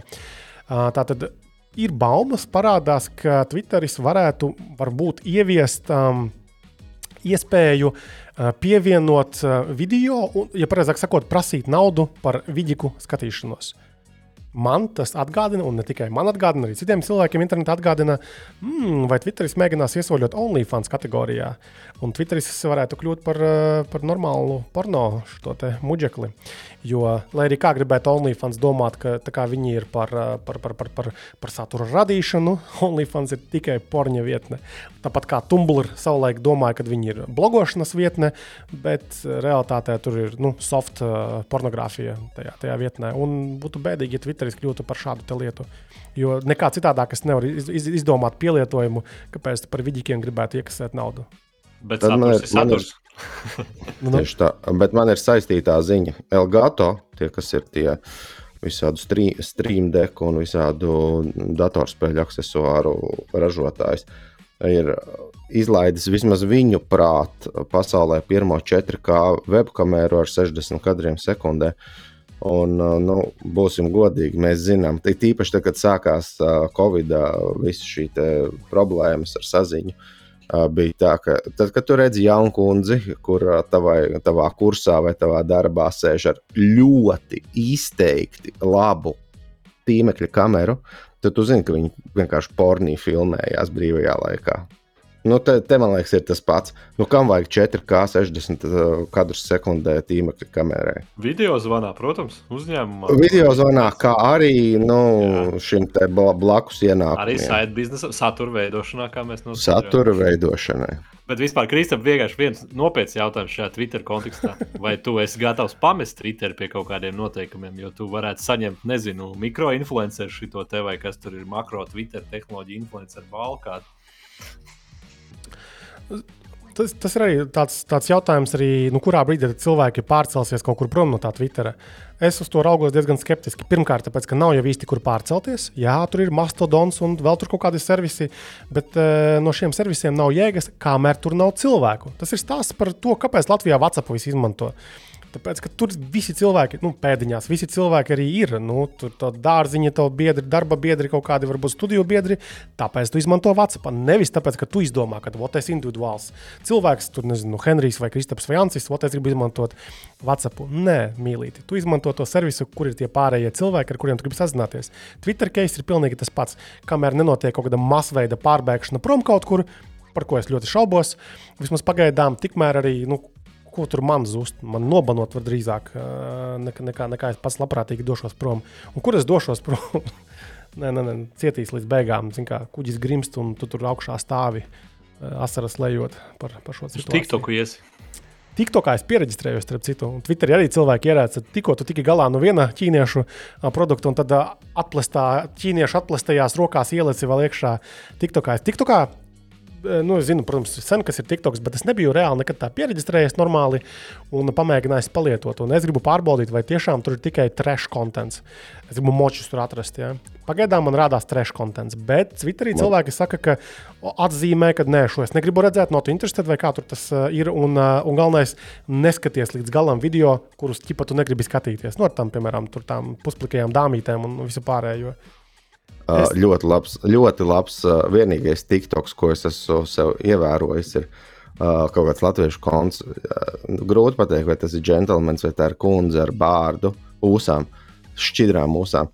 Bet ir TikTok konts apdirsies. Afigēna krūti. Nu, tu, tādā bāziņā izrunā visādas uh, angļu zīmolus, angļuiski rakstītos zīmolus, izrunā tā, kā to raksta. Nu, un noteikti viņam ir miljoniem skatījumu un sekotāju. Jā, un uh, man jāsaka, šis ir, šis ir kaut kas, kas man uzrunā. Es nezinu, kāda ir guilty pleasure. Jā, baigi labais. Man liekas, ka Henrijs arī zina, par ko es runāju. Nē, godīgi, nē, es, es baigi TikTok daudz nelietoju. Man kaut kā nav uzrunājis. O, ja, es arī nelietoju, tad, jo tur ir visādi mēsli, bet uh, šis te džentlmenis vai kundze ar, ar, ar ūsiņām, šķidrajām apdirsies. Fantastiski. Tas ir, uh, tas ir uh, šis lietotāja vārds. Es, es, es, grib, es, es gribētu publiski teikt, ka nē, es neskatīšos šo te, bet es domāju, ka tā būs pirmā lieta, ko pēc ieraksta pabeigšanas es atvēršu TikTokā un atradīšu. Pagaid, tas nav tāds apaļīgs džeks. Jā, jā, apaļīgs džeks. Tāds, ah, uh, zini, Nagets vēl neat gadījumā. Jā, jā, jā. jā, jā, jā. Tad es esmu redzējis, gan tad es esmu. Ansi, atceries, mēs bijām pirms dažām nedēļām vecrīgā piekdienā. Bijām, un mēs redzējām X-faktoru zvaigzni Denis. Un tu teici, nezinu, ka viņš ir kaut kāds mega populārais. Es viņu redzēju TikTokā, nu, skrolējot tur garām, un tu teici, jā. ka viņš ir big deal, un man bija tāds, ok, kas ir tas par čali? Varbūt tagad beidzot, esot TikTokā, es sapratīšu, kas vispār Latvijā ir slaveni un populāri cilvēki un personības. Ah, starp citu, es redzēju reklāmu, būs šo TV3 TikTok mājas seriāls, vai ir sācies jau no 3. novembra. Tieši tas, redzēju. kas mums bija nepieciešams. Nevis nekāda fizikas eksāmena visiem, ja? jā. TikToka mājas nice. seriāls un Evelīnas Parkeras grāmatas. Špagats. Tā ir vienīgā viņas kvalitāte. Jā, tālāk vēl par, par, par TikTokiem runājot. TikTokā, protams, ka pa laikam parādās dažāda veida nu, nezinu, challenge un tam līdzīgas glupības. Tad tur šos tīrīšanas līdzekļus cilvēki dzer, ne īpaši ar, ar, ar intelektu apveltīti un, un vēl kaut ko. Un tā kā tas algoritms tik labi darbojas, kad panesas un cilvēki dara trakas lietas. Un te bija, piemēram, tāda ziņa, ka kārtējais trakais challenge ir tā saucamais Kia challenge, kur Amerikā, vismaz Amerikā, man liekas, bija ļoti populārs jā, video. Ijas mašīnas. Ka Kijām kā... Hyundai Hyundai super jā, jā, viegli jā. ir, nu, es kā Hyundai īpašnieks arī tagad priecīgi skatījos tos video, super viegli aizdzenama mašīna. Tur re reāli kaut ko atplēs nu, zem stūres šo te, to, to, to plasmasu, un tad ar parasto USB kabeli kaut kā tur varēja norojot atslēgas to augšu, vienkārši piešķilt to mašīnu. Kā... saprotu, ka tev nākamā gada augs uh, kasko apdrošināšanas cena. Nu, lūk, un, un, un tur, tur bija tādi cilvēki, kas to darījuši. Viņi pēc tam mašīnas nozog un lohi nesājas apkārt kaut ko un apskādē. Uh, un vien, vienā gadījumā tas beidzās ar to, ka bija avārija un tur bija četri beigti jaunieši tajā mašīnā. Tas ir atkal tāds skaudrais atgādinājums, ka nu, challenge ir rēcīgi, rēcīgi līdz brīdim, kad vairāk nekas tur nav rēcīgs. Tā kā tā ir Henrija uzmanīgi ar tiem challengeiem. Oi, šitais man vispār nav. Es tagad, kamēr tu runā, aizdomājos, vai pirms kaut kādiem 10, 15 gadiem, vai draugos arī kaut kas tāds, piemēram, bija, vai kas vēl bija AskFM. Tāds saits. Nezinu, Oi, tas bija labs, uzdot jautājumus, atbildēt uz jautājumiem. Jā. jā, man tāda challenge nekad nav. Es kaut kur tāds. Es esmu uh, mierīgs cilvēks. Ok, labi. Uh, video spēļu tematika. Ansi, tu neesi sagatavojis nevienu ziņu par video spēlēm. Pareizi? Bet es varu pastāstīt kaut ko. Aiziet. Andrija. Jā, es, es šonadēļ esmu nu, totāli nosačkojis. Man, man, man nebija nekas, kas, kas iekrita acīs. Bet uh, man nu, pirmais ir interesantais, jā, ka ir iznācis Call of Duty Modern Warfare 2. Es ceru, ka tas arī ir divi, nevis tur kaut kāda atjaunotā versijas, pareizi saprotu. Tā kā, un, un, un, jā, jā, jā, un tad viena viesnīca Amsterdamā ir ieraudzījusi, ka viņi tajā spēlē ir iekšā. Un, un tad uh, nav vēl sākuši tiesāties, bet vispār nav apmierināti, jo tā tāda piedzvaigžņu viesnīca solīda. Un, un, un jā, tādā ziņā tā viņi neatbalsta vardarbību, jau, un, protams, Call of Duty jā, jā, neatbalsta vardarbību un, un to, jā. Tad es vēl redzēju, bija kaut kāds God of War novērtējums kaut kur Twitterī bija nu, plosījās apkārt, bet es ne, biju visur daudzi. Es tik nesapratu, kuras daļas. Taču nevarētu būt, ka ir iznākusi pavisam tā jaunākā. Bet katrā ziņā bija kaut kāds vienai no uh, God of War daļām. Bija visi, visi bija 10 no 10 balēm iedevuši. Kā... Nē, tagad ir jaunākā versija iznākusi. À, nu tā ir saņēmusi arī tie, tieši tikko. Tad, jā, tad ir saņēmusi gan arī visiem 10 no 10. Tā kā izstāsta diezgan jaudīgi. Un Sony, Sony klienti var uh, uzgavilēt, un uh, tas vēl, jā, Tas, tas īstenībā kaut kas īstenībā, man liekas, vēl kaut kas bija par spēku. Ah, par Apple un spēlēm, kā ir var palaist Resident Evil kaut kādu jaunāko, arī mans wow. iepriekšējā ceļojuma biedrs Uldons, man liekas, to versiju Village, vai ko viņš spēlē, ja kādam tur interesē, viņš pēc video salicis. Uh, un viņi var uz maka normāli spēlēt, arī uz, uz M1 maka, kas iznāca pirmais, ko arī Kristaps savulaik apskatījās. Tā kā parasti jau tas neiet kopā, bet nu, esot beidzot kaut ko tur palaiduši. Bet man šķiet, pieejams, ka nemaz tas Resident Evil nav prasības ziņā tik prasīgs. Es tā pieņemu. Nu, diezgan jau ir tā, tāda pasaules ja, spēle. Jā, jā, jā, jā, tā kā, tur... nu, bet viņi bija novērtēti kā AAA game, kas priekš Apple Diez, ir diezgan, big deal. Jā, jā diezgan, diezgan šausmīgi arī. Jā. Tā kā, tā kā tā, tas īstenībā tāds no lielākajiem. Jā, tā kā tas. Uh, Par spēlēm runājot, man atkal acīs iekrita burtiski šodien ziņa, ka tāda poļu kompānija CD Projekt Red, tie, kas taisīja Witcheri, tie, kas taisīja Cyberpunku, tagad ir dabūjuši jaunu direktoru, kurš taisīs nākamās trīs Witcher spēles. Un, un Witcher, tātad jeb, jeb latviski raganis, uh, ir, ir, ir, ir manā skatījumā, Witcher 3 laikam bija pēdējā tā spēle, kas bija ļoti skaista. Tu tur jāj uz zirga, pa kaut kādām sapņu pasaulēm, cīnīties ar visādiem mošķiem, un tā bija ārprātīgi skaisti uzbūvēta spēle. Es viņus plēšu izspēlēju ar visiem tiem addoniem, kas tur toreiz bija tiem DLC diviem, un ļoti, ļoti, ļoti, ļoti patika. Es tik ļoti sačakarēja man tā spēle, ka es pat sāku pirkt grāmatas un lasīt, jo tur ir balstīts uz grāmatām. Poļu autoram, Andrzejs Sapkovskis vai kā viņš tur sauc. Dažas grāmatas latviešu valodā ir notulkotas, pēc tam pārlasīju ir vēl arī latviešu. Ļoti interesants stāsts, ja tā tēma interesē. Un tad es gaidīju ar nepacietību seriālu. Vičera, kurš tikai liekas, pirms gada vai diviem arī parādījās, bet man tik ļoti besīja, cik viņš nenopietni un tīzli uzfilmēts. Sieva gan noskatījās, teica, ka otrā sezona ir labāka bet es nespēju tikt tam pāri. Bet es gaidu jaunās uh, Witcher spēles uh, versijas, nu, jo man ļoti patika. Viena no retajām spēlēm, kas, kas bija rīktīgi nice. Okay. Vēl svarīga ziņa. Nu, nu. Duolingo math ir pieejams. Es nezinu, vai mēs iepriekš runājām, vai nē, bet tas ir Mums, mums bija piezīmēts, mums bija piezīmēts, bet man liekas, ka mēs nepastāstījām.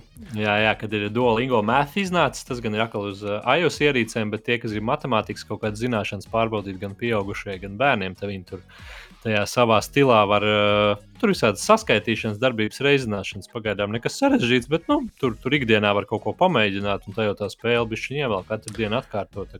Jo Duolingo Duolingo ir, veidā. uh, ir zināms kā valodas apguves uh, servis, tā kā pēc būtības savas pareizes. Nenormāli uzmācīgs, ja tu gadījumā uzinstalē savā vietā runī. Nav tik traki, tur varēja atslēgt. Es zinu, ko Ants runā, ka viņš kā protams, var atgaidina duju, atslēgt, duju bet nu mismiju un tādas lietas. Jā, jā. À, starp citu, vēl kaut kas, jā, apskatījos, starp citu, runājot arī par uh, copyrightiem, gan par to Call of Duty case, un arī tagad Rol- Rolf. Rolf Lauren, kā pret Polo Rolf Jā, jā. Lauren, būs Fortnite uh, drēbju kolekcija gan tajā digitālajā vidē, gan arī dzīvajā, kas arī parāda to, ka nu, viņi savus grib paplašināt tirgu, gan arī autortiesības digitālajā vidē kaut kā realizēt. Tā kā būs viņiem speciālais viens no lielajiem tādiem prēmijiem. Kas ir unikālā lieta? Unikālā lieta, ka pirmo reizi savā uzņēmuma pastāvēšanas vēsturē viņi ir pamainījuši kā Logo, logo, jā. To, to nu jā, zīmolu logo. Un, uh, viņi to- Wow, tā ir kārtējā Ka, inovācija. ka, super. man liekas, ka pēc noklusējuma, tā kā tas ir tāds fancy apģērba gals, tad viņi laikam tur bija zirga, kas tur polo spēlē vai ko. Mm -hmm. Tagad viņi uz lamas jāja, kas laikam jā, Fortnite ir pinga. es nezinu. Jā, jā, jā. jā. Tur visi jāja kā- lamām, uz lamām. Tā kā arī Tur tāds tā- kā brenda ienāk. Tur tā lama ir diezgan centrāls objekts. Jā, okay. Mēs te levitējam ap Apple kaut kādā mērā, un man baigi acīs iekrita viens tāds interesants uh, fakts, tīri skaitlisks, ka šonadēļ kaut kādā brīdī Apple uh, tirgus vērtība bija 2,3 tri- triljoni, tas ir kas, kas ir tri, triljardi ASV dolāru, kas ir. Ar uh, 12 nulēm, laikam, jā. ļoti daudz nulēm. Tātad šī Apple vienas kompānijas tirgus vērtība ir tik liela un lielāka nekā Amazon, Alphabet, nu, Google un Metas, jeb Facebook kombinētā vērtība. Tātad Apple ir liels, bet Apple ir tik liels kā, kā Google, Facebook un Amazon. Par Amazon man bija liels pārsteigums, jo man liekas, ka Amazon ir arī ārprātīgi milzīga kompānija. Bet tie, protams, ir finanšu mm, lietas. Vienā dienā tu esi topā, eh, pēc tam kaut kāda ziņa draņķīga, un tu vienkārši nogāzies. Tev vērtība tur par miljardiem. Facebook to uzskatām pierādīja pēdējā gada laikā, kad nu, teiksim, kaut kāds nezinu, nesasniegti. Teiksim, šie te, nu, ieplānotie dati, uh, finanšu un bums tev gāžas uh, stoku vērtība ārprātīgi. Un vispār šis gads ir briesmīgs šajā ziņā, un es negribu par to īpaši runāt. Bet Ancis noteikti grib parunāt par uh, dzelžiem, jeb hardware. Kas tur notiek ar tiem degošajiem konektoriem, video kartēm?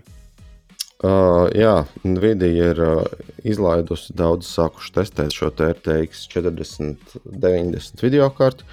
Un cik var spriest pēc uh, rakstiem, pēc YouTube video, tad uh, dažiem ir izdevies aizdedzināt šo jauno uh, video kartes uh, nu, elektrības pievadīšanas, jā, standarta vadu vai kā to var nosaukt. Uh, cik var noprast, tad galvenā problēma ir tā, ka šis te vats, tā, tā pati video karte ir milzīga.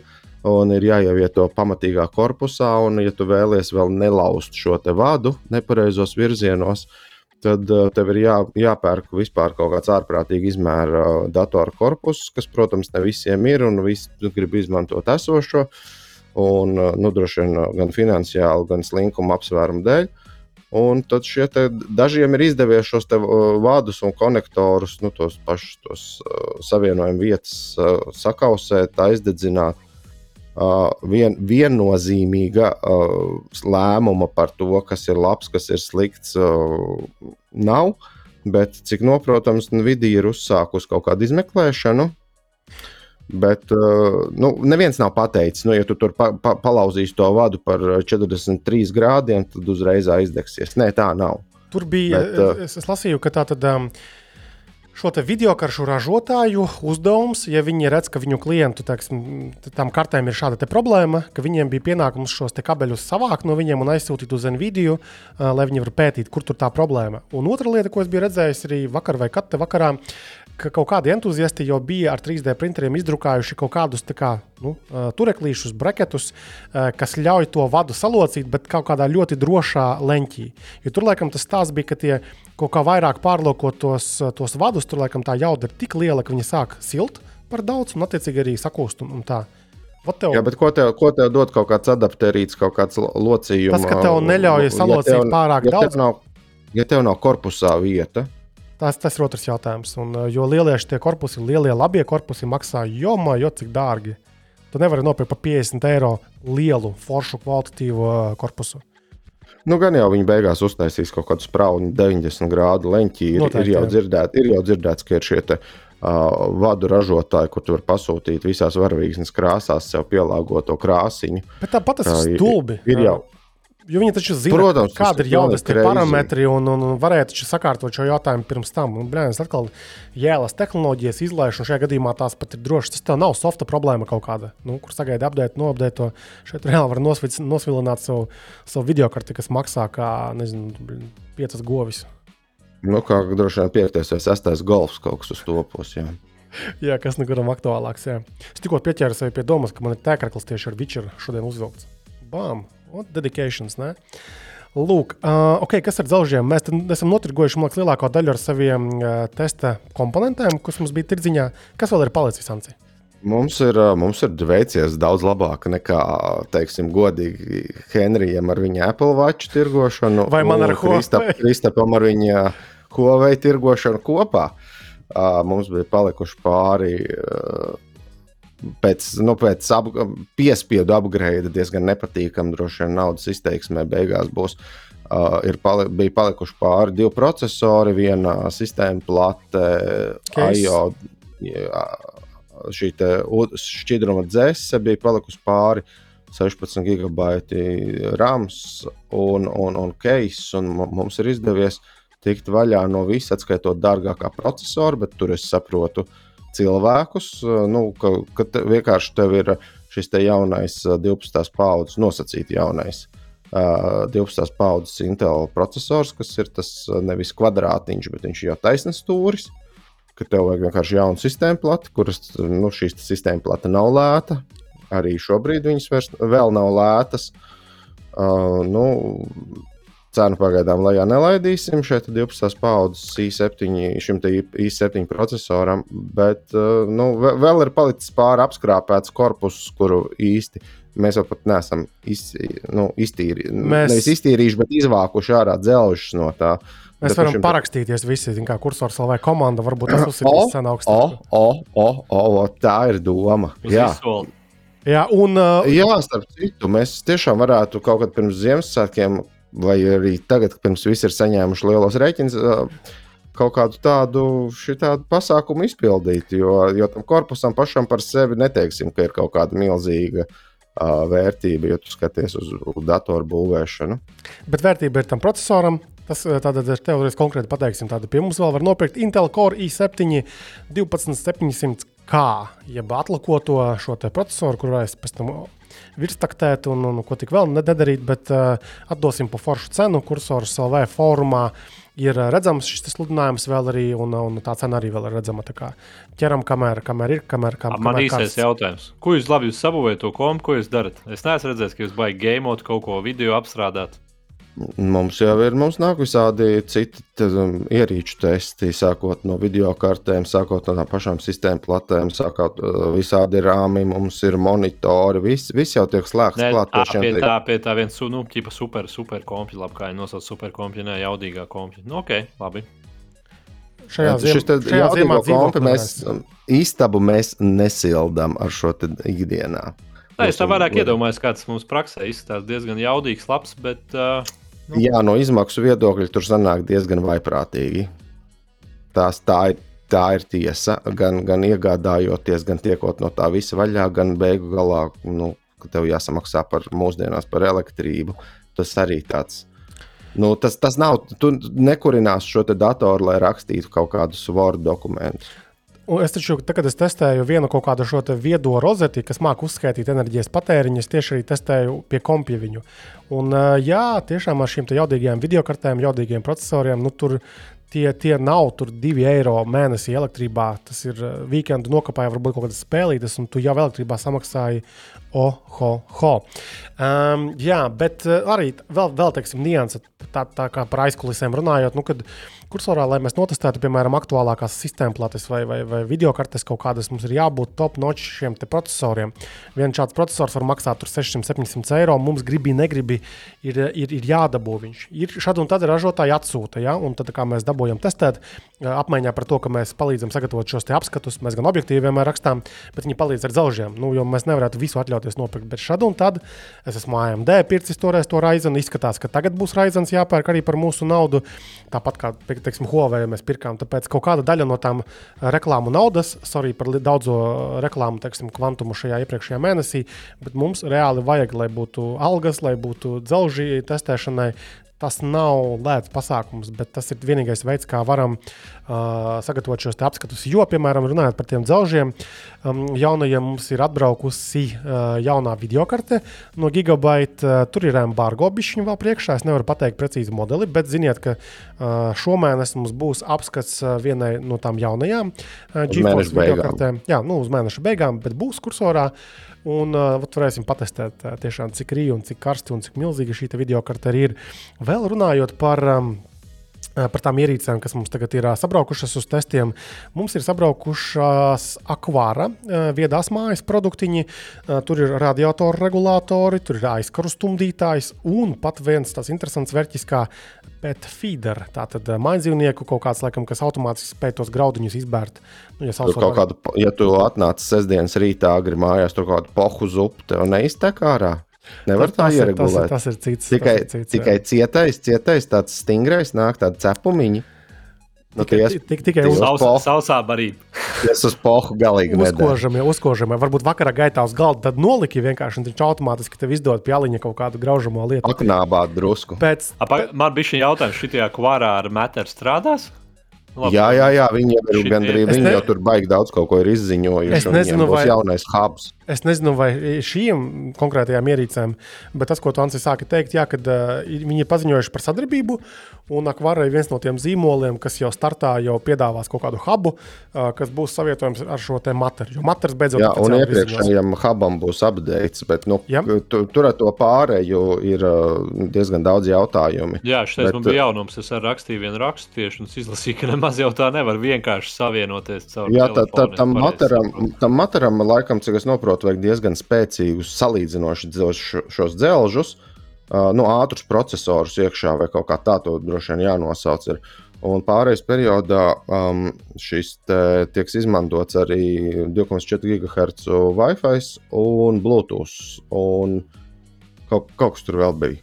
Mm -hmm. Bet uh, nu, šobrīd sākas uh, novembra beigās, man liekas, decembra sākumā sākas šis pārējais periods, kad, kad, kad, kad daudzi Kaut ko daudzi, palaidīs, kaut ko jā, jā, kad daudzi, kad daudzi ražotāji uh, palaiž jaunus produktus, kad daudzi ražotāji palaiž updateus esošiem produktiem, kas būs sadarīgi ar, ar, te, ar šiem jaunajiem uh, viedās mājas produktiem. Jo man mājās pašam ir arī akvāra ar daži labi produktiņi, un uh, viens tātad temperatūras un uh, mitruma mērītājs man nosprāga. Nezinu, kas viņam notika, bet, uh, teiksim, durvju sensori darbojas, uh, tas pats hubs darbojas, un um, bija vēl kaut kas. Un viņš bija saintegrējams arī ar šiem te uh, Xiaomi gaisa tīrītāju, gaisa mitrinātāju. Tā kā tas viss smuki kopā tur vairāk vai mazāk darbojas. Uh, tur tās ar tiem termoregulatoriem, radiatoru patestēsim, kā tas viss darbojas. Lūk, uh, vēl, starp citu, daudz jaunumu šonadēļ. Uh, teiksim, viens no tādiem arī foršiem jaunumiem, nu ne foršiem, bet uh, aktuāliem jaunumiem ir Netflix beidzot oficiāli ieviesis šo abonementa plānu ar reklāmām. Par to mēs jau runājām nu, ka tāda lieta būs jau gana sen, bet tagad beidzot ir izziņots. Uh, tas plāns sauksies Basic with Ads, tātad uh, basics ar, ar reklāmām. Uh, un uh, jā, tad, uh, no 3. novembra pieejams vairākās lielās valstīs, ne Latvijā, uh, un uh, maksās tur 7 ASV dolāri nepilni. Un uh, tad uh, tu ik stundu, skatoties šīs seriālus, filmas, redzēsi vidēji 4 līdz 5 reklāmas, kuras būs 15 vai 30 sekundžu garas. Principā izklausās diezgan briesmīgi. Neizklausās diezgan labi, mēs jau par šo te runājam, ka tur ir pāris, pāris dolāru lētāk, bet tu dabūni skatīties uz visādiem mēsliem. Uh, nu, tas, manuprāt, tas neizklausījās tā vērts, šo dažu dolāru vērts. Un tās reklāmas nevarēs izlaist. Man tas prātā nāk, kā, arī TV vai kaut kādā ziņu portālos ir tās video Lai kuriem jā, varētu kur tikt cauri, tev jānoskatās. 40, minūte, 40 sekundes tev jānoskatās kaut kas sākumā ārprāt. Un, un, tas, man liekas, zina, kur ir skaties. Nu, TV3 vai tiešādi. Jā, un, un tu nevari pārslēgt citu tabulē fonā griežas. Viņš māk detektēt, ka tu esi fokus prom no tām reklāmām. Tad ir tas, es laikam negribu skatīties to video nemaz nu, tik ļoti. Beidzot, ir inovācija. Nu, kaut kādā galā tā nav lietotāja galā, tā ir uh, naudas saņēmēja galā inovācija. Bet šī ir inovācija tomēr. Ants, es sapratu, šīs, šī podkāstu ieraksta vārds būs inovācija. Nu, būsim godīgi, ir inovācijas, un tad vienkārši diršana. Un, un bieži, bieži vien zem diršanas, diršana tiek nosaukt par inovāciju. Tad, oh, jā, jā, jā, jā, jā, jā. jā. Uh, labi, labi, inovācija un tas otrs vārds ir viena lieta, bet noslēgsim šo jauko, manuprāt, iesturu epizodi uz pozitīvas salīdzinoši nots. Tātad um, Latvijā ir radīta unikāla nu, ziedojuma platforma. Viņi gan savā komunikācijā norāda, ka tur baigā viņiem ir straumēšana platforma. Es saku, ka tas ir bullshit, tas ir vienkārši regulārais maksājums. Tātad es runāju par Stopify, uh, stopify.org.ua. Tātad, nu, kā jau noprotam, pēc, eh, pēc domēna tas ir saistībā ar, ar Ukrainas karu un atbalstu šajā karā. Tad cilvēkiem tu vari eh, šajā Stopifyā izvēlēties. Mm, eh, tā ir vairākas kampaņas, nu, kurām tu gribi teiksim, atbalstīt par naktas redzamības ierīcēm, kaut kādiem optiskajiem tēmekļiem, termokamerām, vēl tur kaut kādām vietām. Un tad viņi tev palīdzēs izveidot automātisko maksājumu regulāro, uh, nu, lai tu varētu atbalstīt šīs kampaņas. Un viņi baigi velk Spotify saistība, ka tev ir abonentu maksājums, ka tu katru mēnesi kaut kādu naudu salīdzinoši nelielu maksā, bet šeit kur tev ir iespēja uh, labai lietai. Lūk. Tā kā tā. Vai jums, uh, Ansi un Henrija, ir kaut kādi vēl uh, lietas, ko gribētu pateikt šajā redzējumā, vai noslēgsim? Man tāds jautājums, kas ir basevs rokas putekļu zīdais? Tas ir putekļu sūcējs. Viņš ir populārs zinātniski.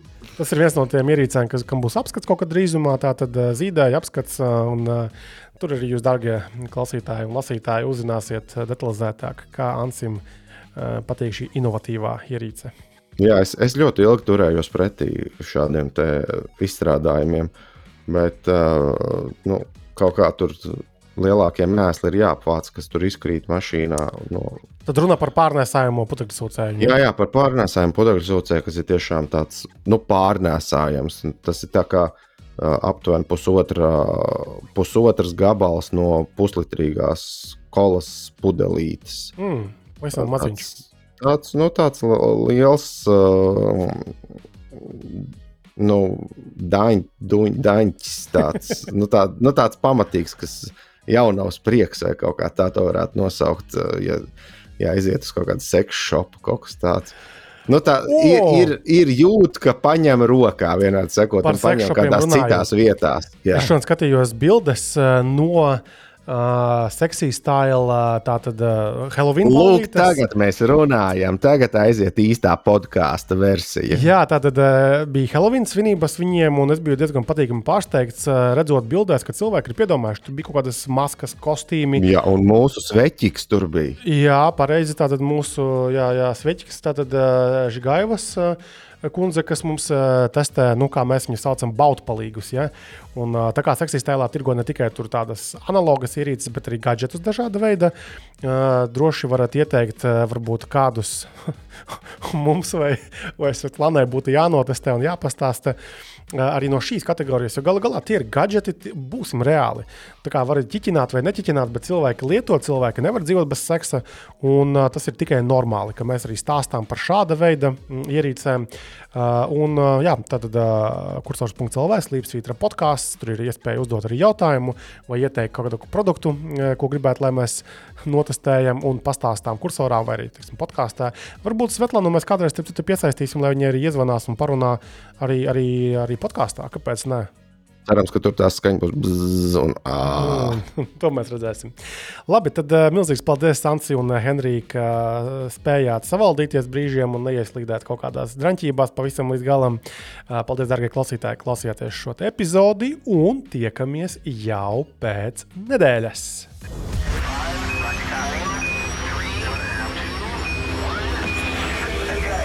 ko kursors tev neraksta. Regulārs tehnoloģiju podkāsts kopā ar Cursors LV.